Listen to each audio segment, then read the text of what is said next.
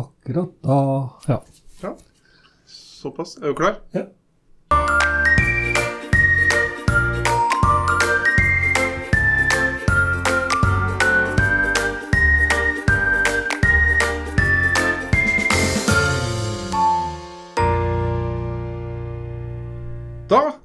Ønske hjertelig velkommen til episode tre av Revy-revyen. Hei, Roar. Hei, Finn. Hei, hei, mikrofon. Hvem har trodd det? Det er du der. Hallo.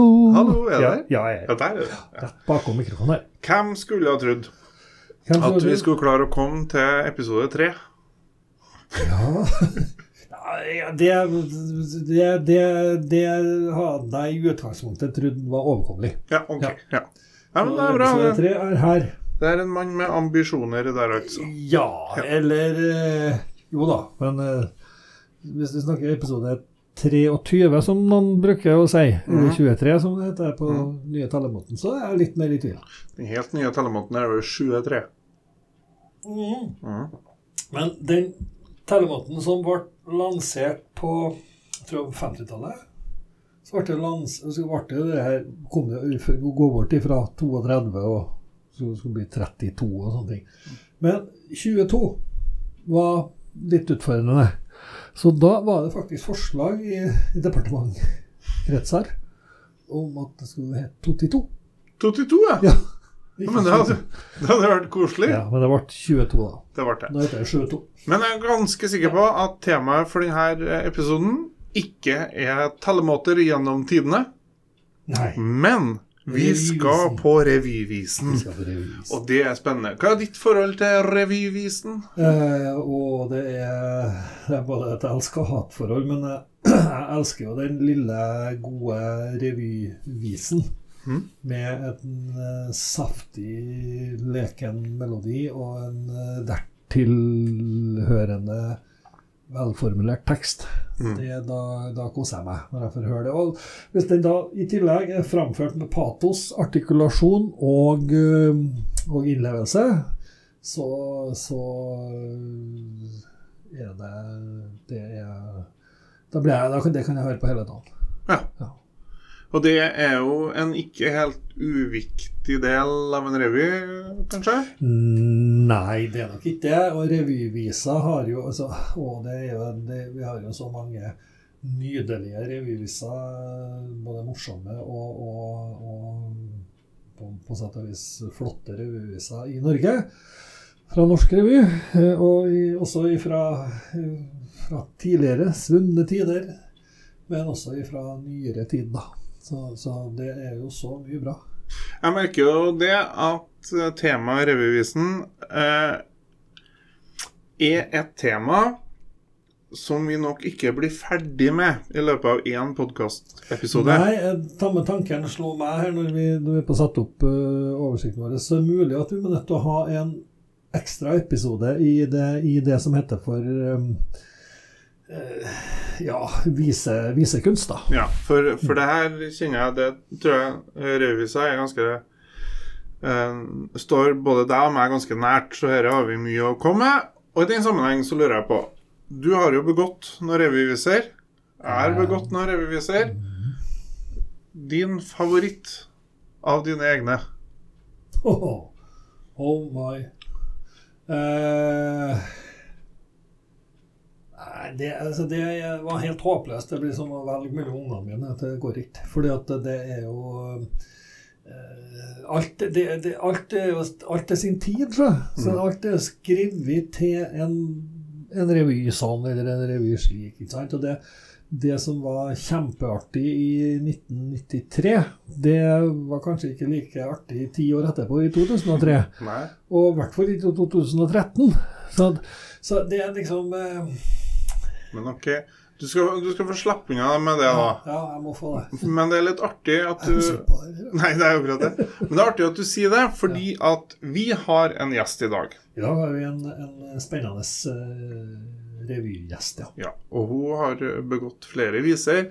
Og hun har nok klart det kunststykket å begå en revyvise som, om den var laga i 93, hadde vært like artig Den, var, den er laga i 99. ja.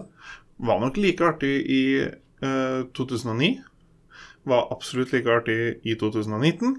Og kommer nok til å være like morsom i 2029. Ja, og Det er jo det som er så fantastisk med revyvisene. For det at jeg vokste opp i Humleka og revytradisjonen i Humleka. Og jeg har jo i heimen min og i familien min så har det jo vært nynna bruddstykker av kjente revyviser fra Humlekrevyer rett etter, og for så vidt også i mellomkrigstida. Eh, Så, så det lever litt videre Mm. en er på en litt annen måte enn en sketsj eller monolog, eller, men, men revyvisene lever litt videre, selv om det bare er bruddstykker. Ja. Eh, og det, men så har vi jo fått massevis av, av uh, muligheter på veien, da, med, med der alt er lagra på nettet og, og så videre, så du kan finne igjen revyvisene på en annen måte enn du kunne for bare noen få tiår siden. Artig at du skulle nevne det òg, fordi at dagens gjest Vi må røpe hvem hun er nå. Jo da, det er Rakel Sivertsen. Rakel Sivertsen. Og den revyvisa som vi snakka om, det heter for Marias klagesang. Jomfru Marias klage, tror jeg den heter. Jomfru Sånn, Marias eh, klage. Ja, men eh, kjært barn, mange navn. Og den ligger ut. Og før vi tar Rakel inn hit, så må vi spille et lite klipp av den. Ja. Hør her. Og jo da, gutten han var fin og herlig. Men siden vart det ganske mye bråk. Og skal jeg være 100 ærlig, så hadde vi faktisk ønska oss ei dråk.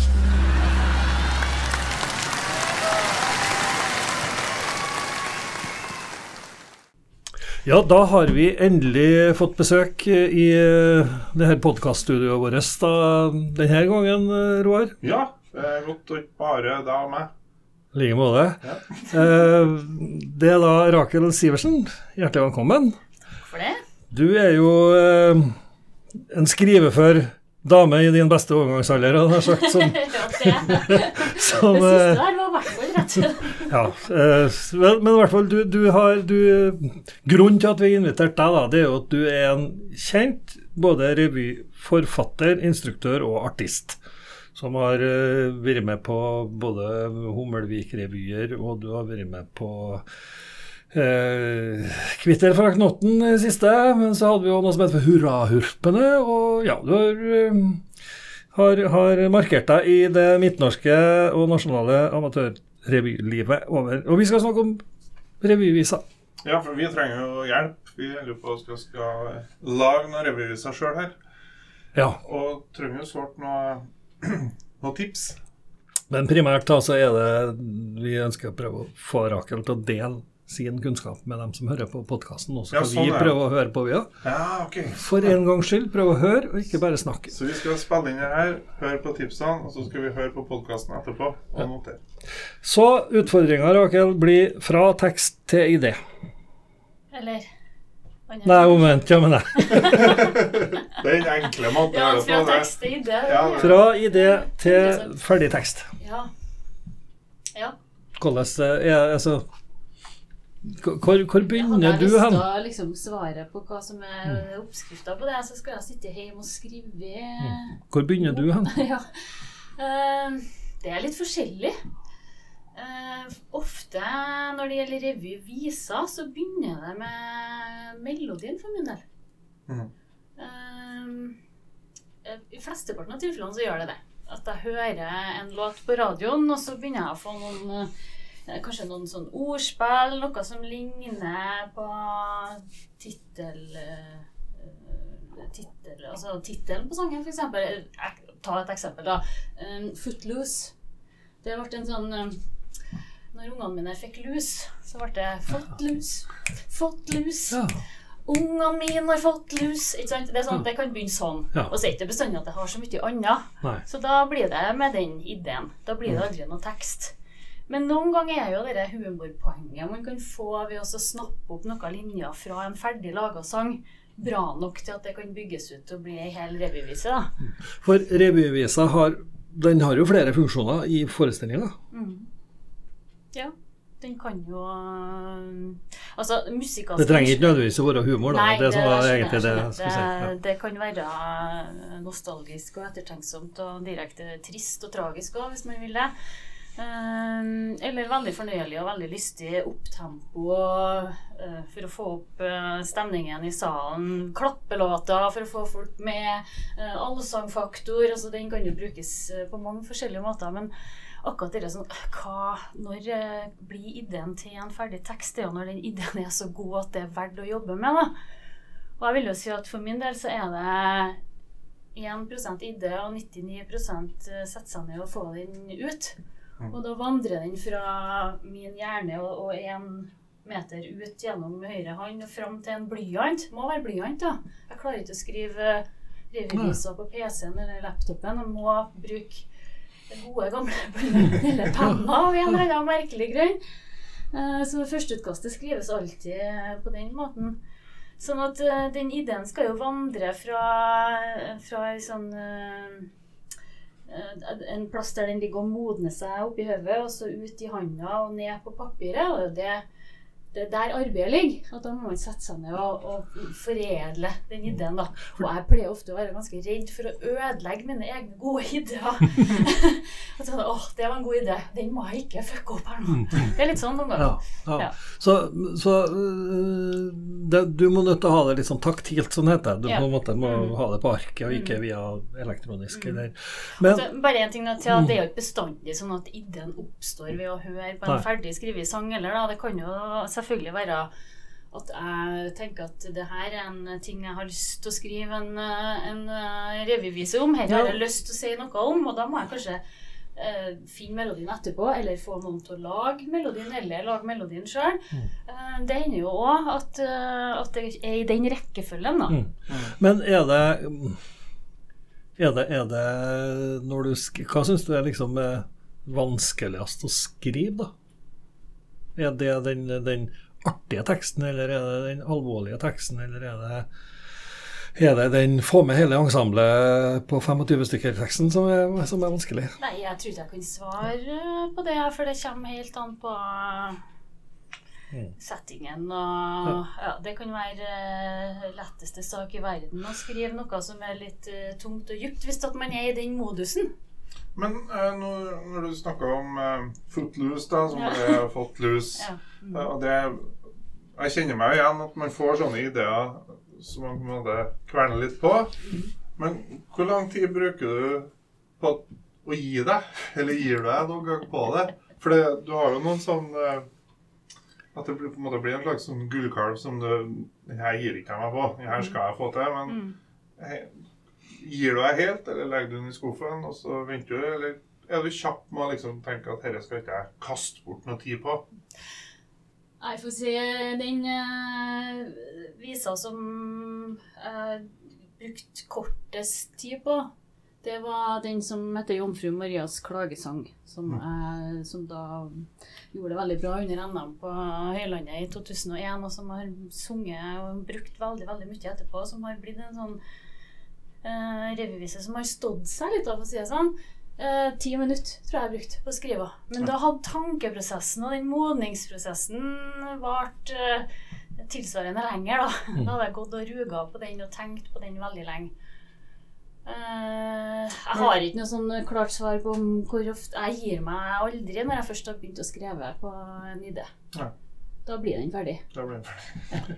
Men hva tror du er årsaken til at 'Jomfru Marias klagesang' For det, det er jo en hit. eller altså Vi, vi kjenner den jo. Ja, det er en klassiker, er en så vil jeg si, som, som står der, og som står der fjellstøtt, og som har, Du har vel ikke tallet sjøl på hvor mange ganger du har Nei. framført den? Men hva er det som gjør at den, den har gått gjennom? Hva er det folk som, er fester seg til folk med den? Mm.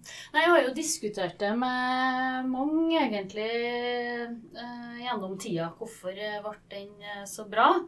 Um, og det tror jeg er forskjellige grunner til. Altså, for å si som eh, Are Kalvø i juryen sa at det var jo en eh, misunnelsesverdig god idé. Ikke sant? Og da, det er jo en bra start. en god idé. Ja, hva, hva vil man gjøre Jomfru Maria til et menneske av kjøtt og blod med trøndersk dialekt og et hverdagslig tilnærming til dette som skjedde med henne? Um, og så er det noe med at uh, det er gjenkjennbar uh, melodi. Uh, Der bruker jo Romjulsdrøm, som er en sang som alle her i Norge kjenner. Og så tar jeg igjen en linje eller to fra originalteksten, og det passer jo inn i min tekst. Det kan jo være en sånn faktor, en sånn gjenkjennelsesgreie. Og så er det jo litt sånn altså, Det er jo blasfemi. Det liker, liker vi jo. Og så er det vi blasfemi, da. Og så er det jo at eh, det har, den har jo et sluttpoeng. Og det er nå ofte litt sånn uh, Kall det suksessoppskrift på ei bra revyvise. At man får til, å, får til en twist eller et eller annet, en overraskende slutt. eh, noe som snur det på slutten. Ja, da vil jeg stoppe deg der, for det er ikke så veldig ofte det skjer i en vise. At du får til en overraskende slutt, på en måte. Nei. Så ofte som i en, et verbalnummer, da. Uh, for da kan du på en måte plutselig innføre et element. Men det gjør du jo det i den Jomfru Marias klage, så innfører du jo et element i form av Josef. Ja. Mm.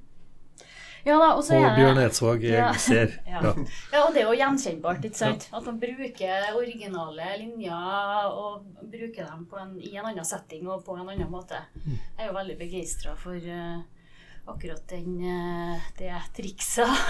Å bruke Men- dem. Og så sette sammen, uh, sette sammen og flere melodier. Det er jo sånn det er jo litt, blitt litt min stil av potpurri. Stor ja. på potpurri. Men det er jo fordi at jeg, at jeg gjerne bruker Altså bruker melodiene som en historieforteller også. Jeg har jo en karakter som, er, som kalles for Afrikadamen, og hun, hun synger jo om Afrika. Men melodiene er jo utelukkende sånne vintersanger. Winter Wonderland. Og, altså, og det er jo sånn som jeg legger inn som et humorpoeng. da. Ja, så kan de som catcher det, gjøre det. Og så for alle andre så er det gjenkjennbare låter. Mm. Og det, jeg vet ikke om det kan være et poeng, da. At når man bruker gjenkjennbare låter og tilbake til Footloose, Footloose eh, som et godt eksempel, da. at- det er jo en, det er en humor i det òg, så det er på en måte en litt enklere vei inn. Og litt sånn Jeg kaller det litt sånn Vazelina-metoden, det. Å ta footloose, og så kalle det footloose. Sant? Altså, det er litt sånn måten Eldar Vågan og de har skrevet tekster til Vazelina på i mange år. Eh, men så har du, det som du et annet eksempel på det som du snakker om, eh, Jomfru Maria, det er jo Visarbekkrin ifra, ifra mm, Rindalen. Som er skrevet på Jannicke, Gry Jannicke Jarlum Mm. eh, svake mennesker, ikke sant? Og så eh, eh, Og dette må jeg bare akseptere. Plutselig, midt inni teksten, din, så igjen, plutselig så er, er den derre sauen som aldri får para seg, er plutselig sønn Gry Jannicke. Ja. Og det er jo fantastisk. Men jeg tenker jo altså det som altså, Det viktigste for ei revyvise, og som alle andre revynummer, uansett kategori, det må være en god tekst. Mm. Det må være noe som skal fortelles. Eh, det ligger jo i bunnen, uansett hvor bra melodi man har valgt, og hvor mange linjer fra originalen man tar inn. Ja, Ja, for det er så litt må sånn- det være noe Det er det ekstra, liksom, på en måte. Ja, det må være bare Krydder. det lille ekstra. Det må være noe krydder. Det kan ikke være noe som, som min revytekst skal støtte seg på. For da blir det jo ikke min. Mm. Og den gode ideen som har blitt til den gode teksten, det må jo hele tida ligge som et sånn Mm. overordna mål. Men hva, hva er det altså, Andreas Diesen snakka om at du må kill your darlings, eh, sånn som Footloose da, eller Footloose. eh, Det var kanskje en sånn episode ute og gikk. Eh, Men, men, men hva er det Hva er ditt råd da til noen som skal begynne å skrive en revytekst, har kanskje en idé til, til mm, en vise? Hvordan altså, Det er ikke noe om å analysere teksten, men, men så kanskje sette opp en liten sånn set, du, Gjør du det? Sette opp en disposisjonsplan eller et eller annet? Strukturere ideen på noe vis, da? Ja, eh, oppi hodet mitt så gjør jeg det. Jeg har en plass der jeg vil starte, og så har jeg kanskje en eh, plass der jeg vil avslutte. Og så har jeg jo oppdaga det, og det er jo det mest vidunderlige med å skrive revy og, og tekster, det er jo at det oppstår jo ting underveis mens en holder på. Plutselig kommer det en ny vending inn, eller et, at teksten tar en annen retning enn det jeg hadde tenkt når den først har forflytta seg fra hjernen og ut i blyanten, så, så, så skjer det noe helt uh, uventa. Og det, det, er jo litt sånn magisk, men det, det, beste rådet da er jo at man må sette seg ned med ideen. Man må begynne. Skriv, skriv, skriv, skriv. skriv. Men Hvor liberal er du der, da? For nå sier at det kan skje ting fra hodet ditt og ned på papiret. Mhm. Men så skjer det ganske mye i det øyeblikket man møtes i Samfunnshuset og har teksten foran seg, og man begynner å prøve å gå det litt på scenen og sånn, så formes det jo videre ganske mye der. Og hvor liberal er du der som tekstforfatter? Er det, er det tungt å se at uh, Nei, jeg kommer med ferdige tekster. Ja, det er hun som er instruktør, vet du, så da Nei, jeg må si at uh, når jeg er ferdig med et uh, produkt nå senere årene, i hvert fall, så tenker jeg at dette er ferdig nå. Mm. Og det har det vært når jeg har skrevet til produksjoner som jeg har vært med på, f.eks. 'Kvitte fra Knotten', uh, og skrevet for temaet sjøl, da. Uh, men uh, altså, ta 'Jomfru Maria' igjen, da. Den hadde jo et, enda et vers som ingen husker på. Som instruktøren på Høylandet strøyk med hard hånd for å få ned tida på fem minutter. Som det var den gangen. Og jeg skrek jo nesten mine modige tårer, for jeg kunne ikke forstå at uh, den, noen kunne få noe mening med den låten hvis den tok bort et helt vers. Mm. Uh, men altså det, det er jo ingen som savner det verset. Jeg savner jo ikke sjøl engang. Jeg husker ikke på det engang. Så det, det var, Ja. ja, så av og til så skal man lytte til hva utenforstående eller andre har av synspunkter på sine tekster. Det er flere høv tenker bestandig bedre enn ett. Og, og det skal man ha som utgangspunkt. Jeg er ikke noe flink til det sjøl, men jeg vil at dem som jeg instruerer, skal være flinke på det. Ja. Ikke gjør som jeg sier, gjør, men gjør som jeg sier. Ja. Men, men, men tilbake til revyvisas funksjon. For det, at eh, det finnes jo, jo protestviser, f.eks. Og det blir en helt annen måte å skrive på. Og så har du jo nidvisa, som, som er kanskje nærmest humor.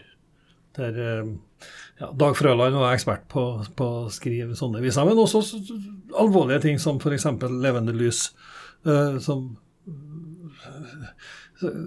hvordan oppstår en sånn idé? Altså, og, og, eh, eller hva er råd altså, eh, For ideer, det er jo det som egentlig i utgangspunktet kan være utfordrende. Og ikke for det du snakker om å få det på papiret og få det til å rime og stemme og alt det der, det er litt håndverk. Skrivinga. Eh, men jeg, tenker at det at man har et ønske om å si ting fra scenen, Ja. Det genererer jo ideer. Og det at man er mm, Hvis man har et visst samfunnsengasjement, hvis man har et uh, uh, uttrykksbehov uh, Ja, altså Hvis man har noe sånt som ligger bak, så tror jeg ideene kommer enklere, da. Hvis man har noe man ønsker å si til verden. Og, da, og med det så sier jeg at, eh, at eh, ikke revy kan være reinhekla tøys og fjas uten Altså artig for artighetens skyld. Mm. Men jeg har vel kanskje vært litt mer den typen som har likt at uh, det skal handle om noe. Eller at jeg skal ha et budskap eller et eller annet under der som At det kan bety flere ting. Da, at det er rom for tolkning. Og at det, et visst samfunnsengasjement er nok i mye av det som jeg skriver. Da. Mm. Um, men og, og Men det er ikke nødvendig igjen, sier du. Altså, det er ikke nødvendig. Nei, og det er jo det som er så bra. Man kan jo gjøre akkurat som man vil. Mm.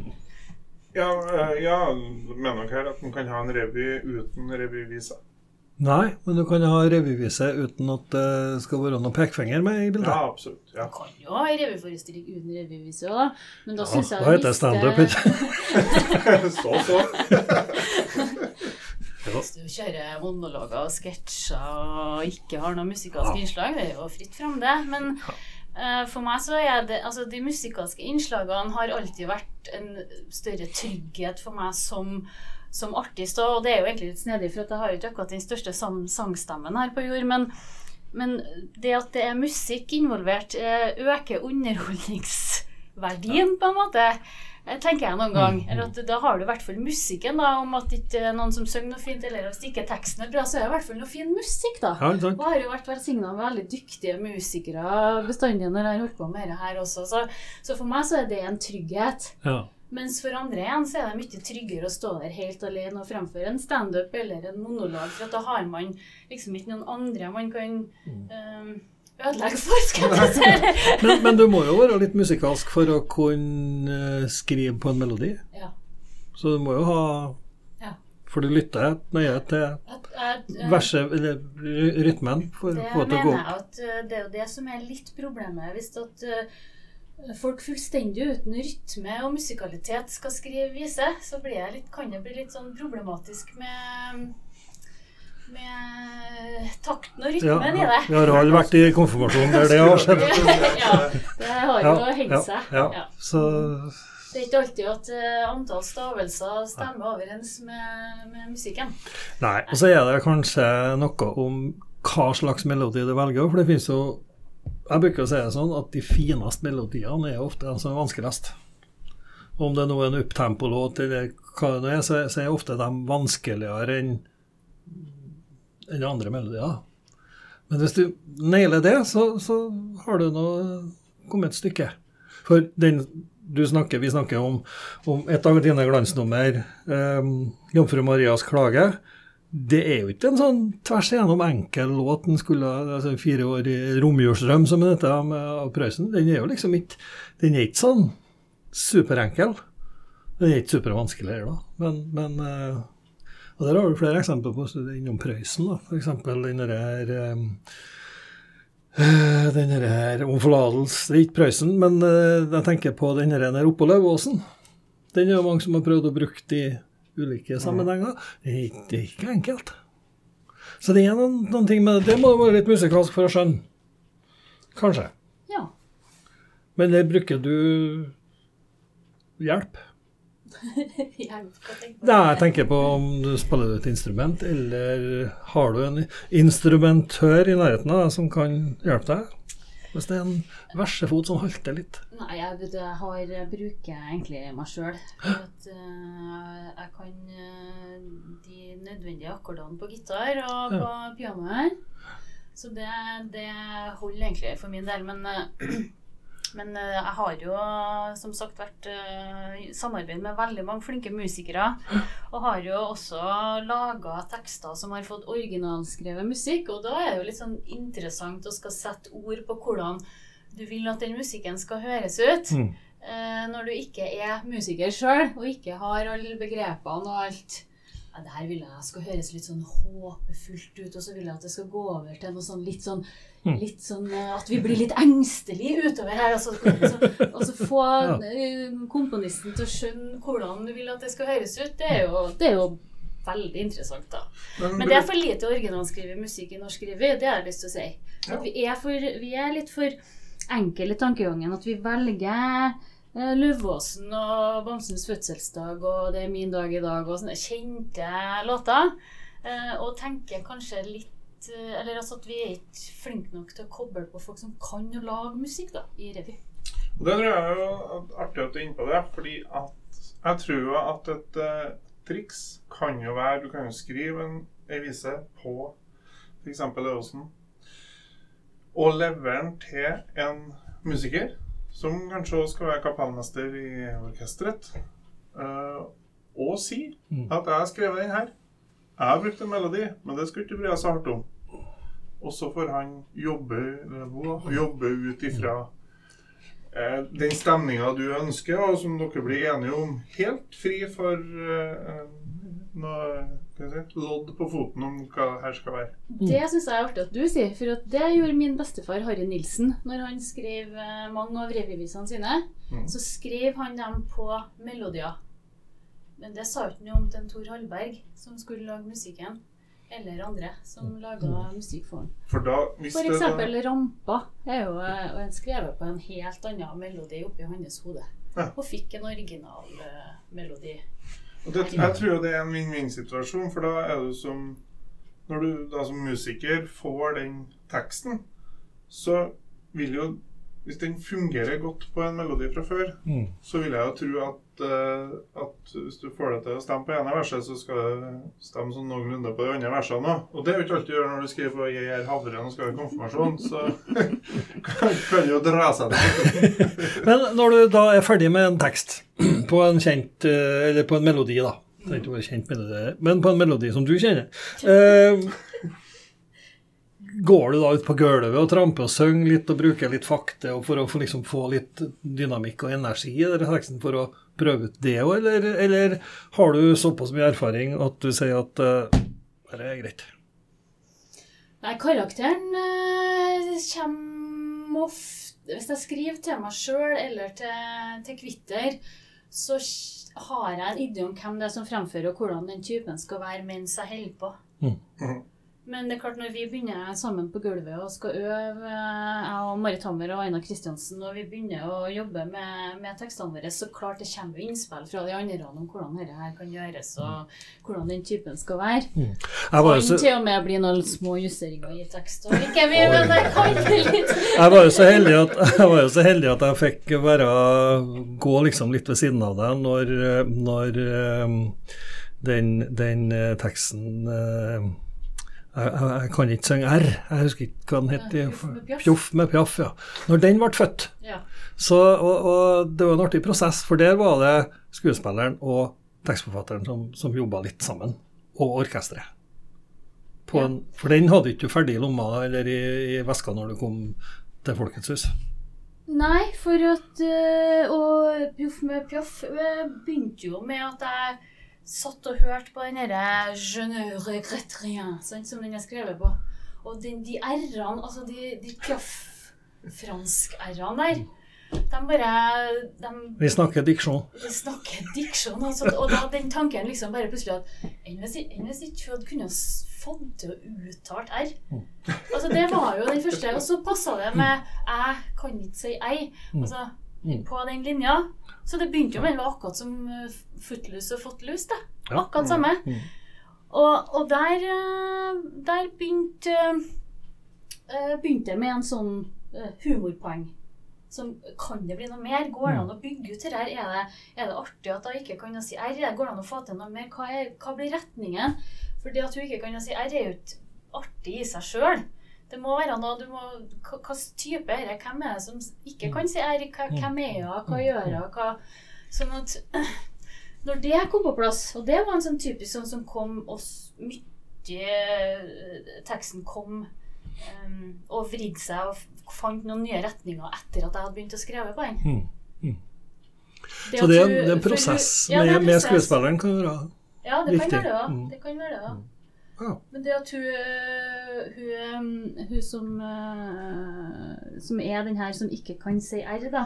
Um, Altså karakteren du tenker Karakteren jeg på. tenker på. Mm. jeg hadde en plan om hvordan dette skulle være oppi hodet mitt når jeg begynte å skrive, men så fant jeg ut at løsninga hun hadde på dette problemet, det er jo å skrive tekster som ikke har R i seg. Mm. Og det hadde ikke jeg planlagt før jeg begynte å Nei, skrive. nei. Men mens jeg satt og skrev, så tenkte jeg går det an å bare kutt ut den bokstaven? Hvordan kan jeg skrive et helt vers uten å bruke den bokstaven sjøl, da? Mm. Og det gjorde det jo. Mm. Så da ble det liksom svaret på hennes problem. Når jeg begynte å jobbe, Roar, så jobba jeg i et firma i Trondheim som drev med kontormaskiner. Uh -huh. uh, Og da fikk, måtte vi på Løitenhaven og hente maskiner som kom inn til Trondheim med buss. Så det begynner å bli mange år siden. Og der var jeg henta ei, ei skrivemaskin fra ditt område, fra, nemlig fra Brødrene Flårønning på Ler. Ja, ja, ja. Eh, og jeg jobba til et firma som den gangen som het for Røviks kontorutstyr. Og oppi den skrivemaskina så sto det et brevpapir da, med Brødrene Flårønning. Så sto det 'Til Løviks kontorutstyr'. L-tasten fungerer ikke. Og tok det inn på verkstedet, og en servicemann satt og trykte på den jævla L-tasten, og den funka jo som fjell. ja, ja, ja. Mhm. Det var R-tasten som ikke virka. Ja. Så det er sånn eh, Ja. Det. Ja da, eh, i dette livet. Rakel, eh, det var hyggelig å, å ha besøk av deg. Eh, temaet er svært og vidt og langt, og Ja. det er mye vi kunne ha snakka att og fram og opp og ned. Men, men én siste ting. Og det er jo hvordan nær sagt, hvilket språk skal du skrive på? Skal du skrive på bokmål eller trøndersk? Hvis du holder på Trøndelag, da. Nei, det må man nesten velge hva du syns er greiest å gjøre sjøl, da. Kan du lage en blanding? Ja. Så alt er lov, på en måte? Alt er lov. Ja. Alt er lov. Man gjør det som ligger hjertet nærmest, og som føles naturlig, og som man tror blir best. For det tror jeg er et veldig bra tips. At man gjør det som føles naturlig. Ja, og at det alt er lov. Alt er lov. Ja, det er, Ja, det er det absolutt. Nei, det er kanskje det beste tipset jeg har tatt med. Det er jo at du må skrive. Skrive og Du skrive. og må skrive. skrive og skrive og skrive. og skrive. Skriv og prøv, og så blir det et eller annet til slutt. Ok, vi skal lage en revy. Takk for besøket. Takk for meg.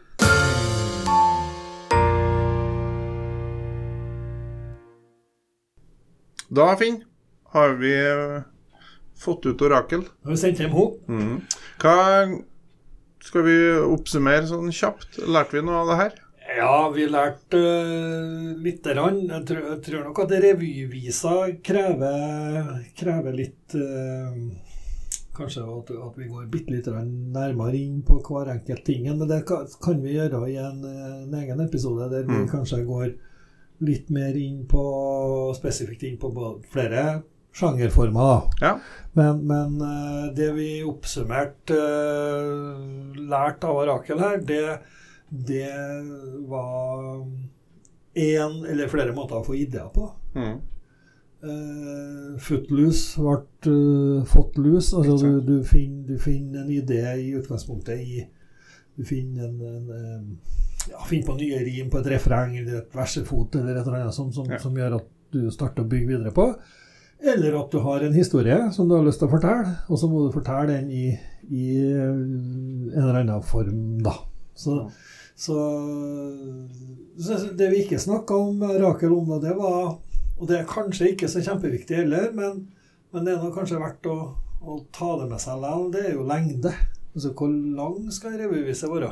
Ja. Uh, og jeg har skrevet mange revyviser der jeg har skrevet med repeterende refreng. Mhm. Og det har jeg òg tenkt på mange ganger. Hvorfor gjør jeg det? For Mhm. det er på en måte Ja, så det er mange sånne teknikker som en må tenke gjennom før en bruker. Og Det vi ikke snakka med Rakel om, eh, det er jo noe som har slått meg nå, at når det gjelder den jomfru Marias klage, så har jo hun gjort en genistrek. Og det, at det er jo i utgangspunktet ikke revyvise, men det er jo en sketsj. Ja, det er jo et revynummer. Fordi- Kanskje ikke en sketsj. Ja, et revynummer, da. Mm. Fordi at den revyvisa, som slutta med at hun kunne tenkt seg Ønska seg egentlig et råk, kunne fint ha stoppa der Ja. og fått masse latter. Men så velger de å gjøre det som egentlig er et kunststykke, da. Og fortsette den historien et hakk til. Til og med med en, en helt annen melodi og annen Skuespiller til og sånt. Ja. Ja, det, er, det er interessant. Ja. Eh, Men eh, det er klart at eh, revyviser kan jo være alt, det. Mm. Og, og, og, du har jo, har jo eh, mange, altså mange eksempel, ikke sant? Altså, ta, som ikke nødvendigvis har vært på en revyscene. Men hvis du går litt tilbake i historien, så hadde du f.eks. Eh, Otto Nilsen og den historien om altså, julekveld i skogen. Ja. Det er jo en, det er jo en, en visesketsj, på en måte. Ikke sant? Så det er ikke, det er ikke nødvendigvis Det fins egentlig ikke noe fast og bestemt form. Nei. Så du kan gjøre hva som helst. Ja. Så har du i og med det øyeblikket du setter musikk til et revynummer, da, så inviterer du også til andre ting. Mm. Det skal vi snakke om senere, men det inviterer deg kanskje til noe bevegelse.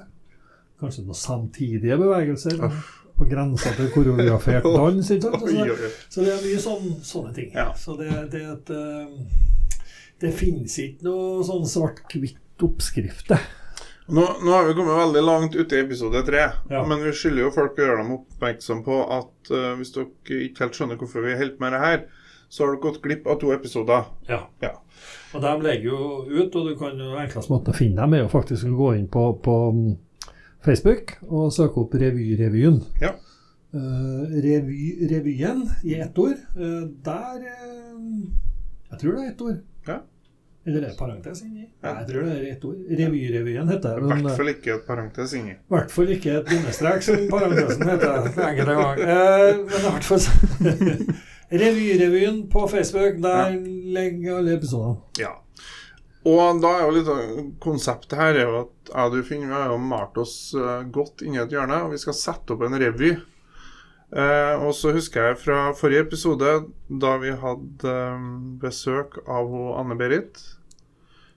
Eh, og der mener jeg at du sa at for å få til en god revy, så skulle du skrive en, eh, et nummer hver dag. Ja. Hva syns du det har gått? Eh, Nå syns jeg du la altfor mye på mine skuldre. For det jeg sa, var at uh, når jeg skrev ny revy, Mhm. så skrev jeg et revynummer per dag i en 14-dagersperiode. Ja. ja. Det er ikke sånn at du skrev 365 revynummer på et år. Men, Nei, nei. men uh, i hvert fall, tre, i hvert fall et, en revynummer, skisse, det. Uh, og det hendte seg at det kunne være ideer til en, til en eh, sketsj som ble en vise, eller motsatt. Altså det, det vet du aldri. Men eh, ja. Men før at en begynner på det, mm. så må noen premisser som må på plass. Ja. Og det er jo da scenen. Hvor skal denne forestillinga være? For det er klart at det blir igjen, Hvis du skal spille på eh, Sette opp forestillinga på, på kafferampa. Ja. Så det krever en, annen, en måte å tenke på. Skal vi sette opp det på Vidarhall på Vikhammer? Det krever en måte å tenke på. Skal vi sette opp det i Bruket kulturhus eller i Skimen på Stjørdal eller hvor som helst, mm. så krever det en tredje måte å tenke på. Ja. Men samtidig så er det komplementære ting på alle plassene her og som kan gjøres likeens på alle tre plassene, men samtidig så Så det er noe med Men det har mest med eh, å se for seg mm. scenen som du skriver for. Ja. Det er viktig. Hva ser du for deg, Una? Eh, Jeg ser for meg at det må vi snakke om. For det er tre forskjellige måter å produsere revy på. Produsere Det- revy på et serveringssted. Du har begrensa plass. Du har, du har ikke noen mulighet for å Hvis du ikke bygger, så har du ikke veldig sånn eh, opp i dagen muligheter for å gå ut av scenen og bytte om og komme inn igjen, f.eks. Det har du på for en sånn titteskapsscene, som jeg kaller det, på oppå veggen. Som mm. er de fleste gamle samfunnshusene. Som på Vidarhall eller Mostamarka eller Ivermoen og sånne ting. Og så har du Bruket kulturhus, der scenen er gulvet som det uttrekkbare amfiet står på. Mm. Det er helt annet, et helt annet format igjen, sånn fysisk. Ja. Og det, ja, og det blir jo helt forskjellige forestillinger. Um, jeg kjenner jo det at standup-komikeren i meg, han uh, syns det er veldig greit hvis eh, publikum har hatt mulighet til å beskjenke seg og har litt godt i glasset uh, idet vi starter. Ja, og det er jo ikke noe veien for Det kan du ha så lenge du har forestilling på avholdslokalet. Så kan jo folk få seg en liten tår for tørsten før, Mhm. før de går og skal bli underholdt. Ja. Så har du noen plasser som krever arrangørstedet at du kanskje skal ha en pause. Og da skal du ta inn altså, egentlig ha to pauseringer. Uh, andre plasser så kjører man i Jeg ser jo det på profesjonelle scener, så kjører man i én bolk. Mm. Pang, ferdig. Eh, så det, det er litt sånne ting å ta, ta stilling til. Det begynner å utkrystallisere seg en liten idé Mhm. i hodet mitt da, Ja. om hva denne revyrevyen skal, skal bli for noe. Mm. Men uh, jeg er ikke helt sikker ennå. Jeg tror vi må snakke mer om det, og heldigvis så har vi uke på oss uh, til neste episode. Ja. Der vi Da må vi begynne å ha bana ut litt mer enn det vi har nå. Kanskje vi kan skrive skrivemøte? Neste, neste episode blir skrivemøte. Ja, er, det her, er det her innkalling til skrivemøte, Finn? Ja, du har herved fått en, en innkalling i innboksen din med en interessant innstilling om uh, skrivemøte. Ja. Men da, da noterer jeg det i, i kalenderen min. Ja. Og så tror jeg rett og slett vi gjør det sånn. Det har vært eh, en inspirerende sending, det her òg. Rakel hadde veldig mye bra å komme med. Og jeg tror at eh, når vi nå neste uke eh, får eh, satt oss ned og får drodda litt og får ting litt mer på plass, så kan vi begynne å produsere, ting. Produsere humor. Ja, det er det vi skal prøve, da. Ja. Så, og da skal vi prøve å begå alle de feilene og gjøre alle de smarte triksene. Og eh, ja, vi skal jo skrive til hverandre og til oss sjøl og Nei, det blir spennende. Men vi får se. Vi må liksom lande litt eh, mål og mengde her. Ja. Det blir spennende å gjøre. Men det skal vi få til. Inntil det så vil jeg bare si til dere revyfolket der ute Uh, Kjør vakkert. Ha det Del gjerne denne podkasten Ja. og foregående og kommende episoder. Uh, Du finner oss der podkaster fins, på Ja. Spotify og på iTunes og Ja. You name it. på de aller fleste flater. Hvis ikke så får dere ringe, så skal vi sende på en diskett til dere. Så får dere Diskett har vi ut. Ja, ja, vi gjør det. Inntil det, Kassett. ha det, ha det fint, og så snakkes vi, eller høres vi, neste uke.